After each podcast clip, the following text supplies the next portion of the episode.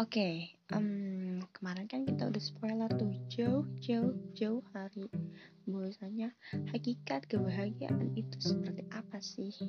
Karena kan di usia yang semakin ke sini perkembangan zaman dan segala macam orang akan berpikir bahwasanya dengan uang,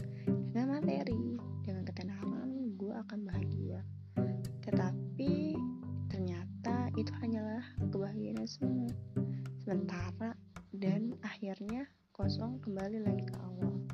Nah, jadi di sini gue mau ngasih tahu bahwasanya hakikat kebahagiaan sesungguhnya adalah ketika kita sebagai seorang manusia mendapatkan ridho sang pemilik. Kenapa demikian? Karena di dalam tubuh kita itu terdapat potensi. Yang pertama, kebutuhan jasmani dan yang kedua,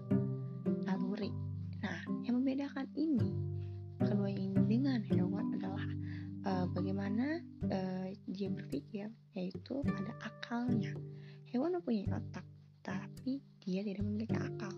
Maka di sini dari sini kita bisa menarik bahwasanya kebahagiaan kita itu ternyata berasal dari diri kita sendiri.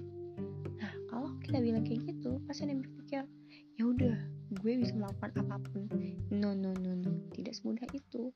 Tetap semua ada batasannya, semua ada peraturannya dan semua ada rambu-rambunya. Sendiri. Ya iya, memang. Tapi kan kalau misalnya semua sama kita, apa yang akan terjadi setelahnya?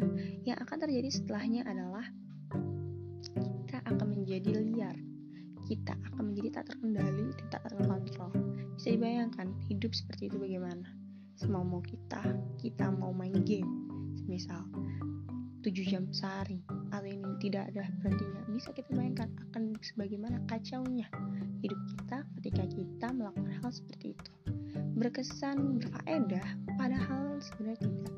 Dan gak semua yang kita pikirkan itu berfaedah jadi tetap harus memiliki standarnya. Begitu pula juga dengan kebahagiaan.